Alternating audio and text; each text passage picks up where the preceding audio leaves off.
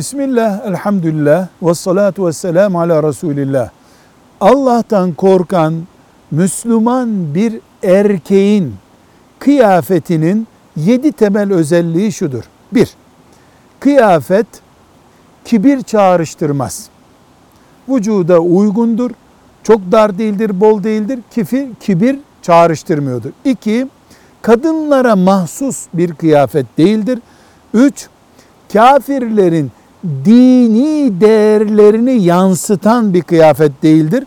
Dört, hadisi şeriflerin şöhret dediği parazit bir kıyafet değildir.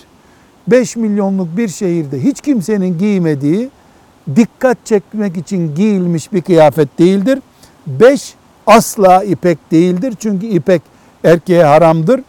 6 üzerinde canlı resmi yoktur. 7 batıl ve İslam düşmanlığını çağrıştıran simgeler kıyafetin ve kumaşın üzerinde yoktur.